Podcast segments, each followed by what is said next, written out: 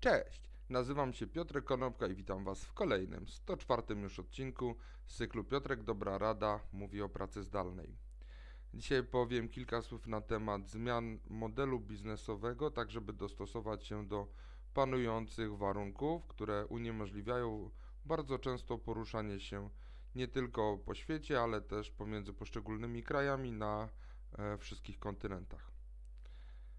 W latach 90. na studiach byłem członkiem takiej organizacji o nazwie ISEC, czyli Międzynarodowego Stowarzyszenia Studentów Nauk Ekonomicznych i Handlowych. ISEC powstał w 1948 roku, czyli to już będzie 72 lata temu. Został założony przez kilku studentów w Belgii, a celem tej organizacji miało być e, zapobieganie wojnom poprzez program międzynarodowych praktyk studenckich. Jak to się miało do tego, żeby nie było wojen? Po prostu studenci doszli do wniosku, ci założyciele, że jeżeli e, studenci będą wyjeżdżali na praktyki do innych krajów, to będą poznawali kulturę, będą poznawali zwyczaje tych nowych krajów, zarówno tam mieszkając, jak i pracując. I e, w związku z tym e, nie będzie wojen, ponieważ nie będą walczyli ze swoimi kolegami, e, których poznali wcześniej. Także taka była idea.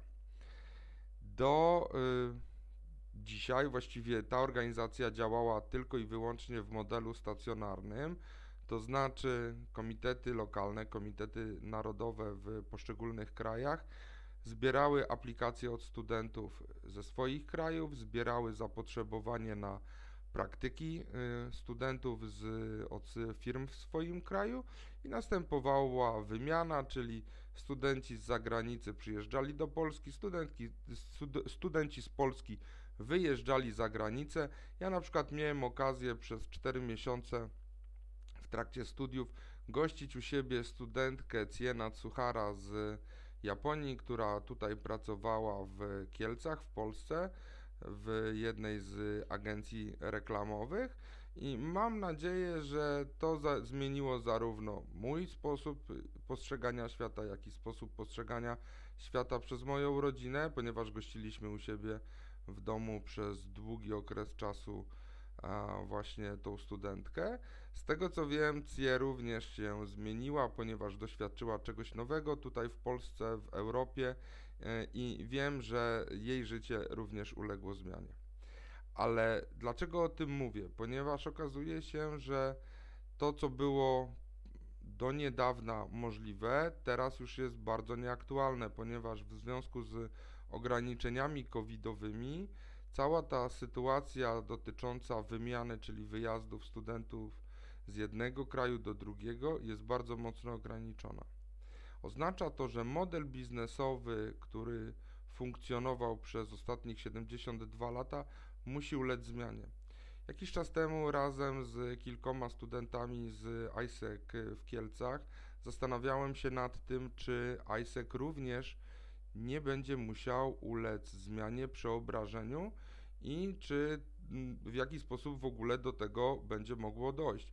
No i nagle się okazało, że ISEC y, rozpoczął przygotowania do stworzenia wirtualnego programu wymiany e, studentów, do wirtualnego programu praktyk międzynarodowych.